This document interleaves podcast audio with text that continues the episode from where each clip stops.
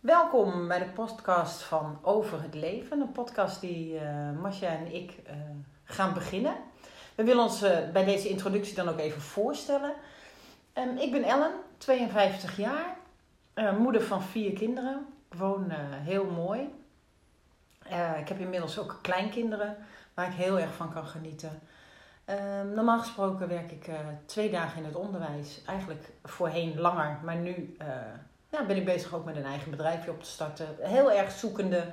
En dat is eigenlijk ook waarom Masja en ik de podcast zijn begonnen. Nou, en ik ben uh, Masja, ik ben uh, 31 jaar. Ik uh, woon samen met mijn vriend en een zoontje van twee, waar ik heel erg van geniet.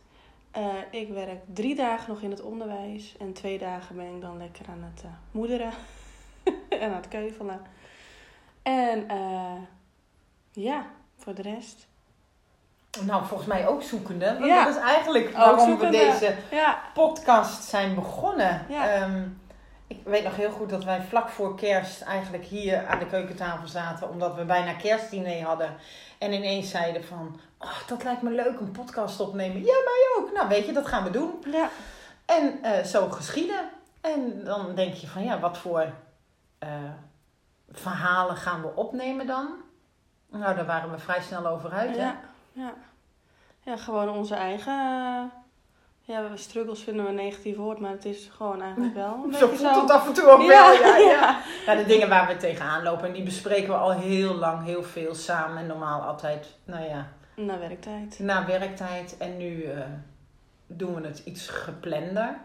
Ja, um, en nemen we het op. En nemen we het op, ja precies. Maar de, de onderwerpen blijven gelijk. Daarom hebben we het ook over het leven genoemd. Eerst dachten we over leven. He, dan kan je op meerdere manieren uitleggen, maar dat wordt wel een beetje zwaar alsof je het leven moet overleven. En dat is niet zo. Maar je komt in je leven wel een hoop dingen tegen, uh, nou ja, waar je even naar zoekt. Ja, dat je zoekende bent. Ja.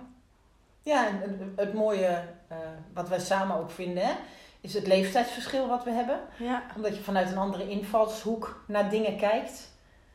Uh, een mooi voorbeeld daarvan is dat uh, Masha haar generatie altijd zegt dat ze belvrees hebben. Ja. ja, ja, ja, ja, ja, ja, En ik eigenlijk gewoon een digibeet ben. Valt op zich wel mee, maar uh, dat, zijn, dat zijn wel hele leuke verschillen die je tegenkomt.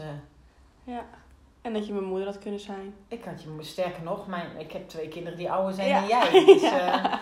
Ja, ja. ja. en dat, is wel, dat vind ik dan ook wel leuk aan onze gesprekken. Dat ik uh, door jou zie of hoor hoe mijn kinderen eigenlijk ook mij wel kunnen zien. En, en dat is wel iets wat ik me steeds meer realiseer. Dat je als moeder stapelgek bent op je kinderen. Maar dat je kinderen jou toch wel los gaan laten en gewoon een partner hebben waar ze stapelgek op zijn. Ja. Terwijl mijn kind mijn kind is.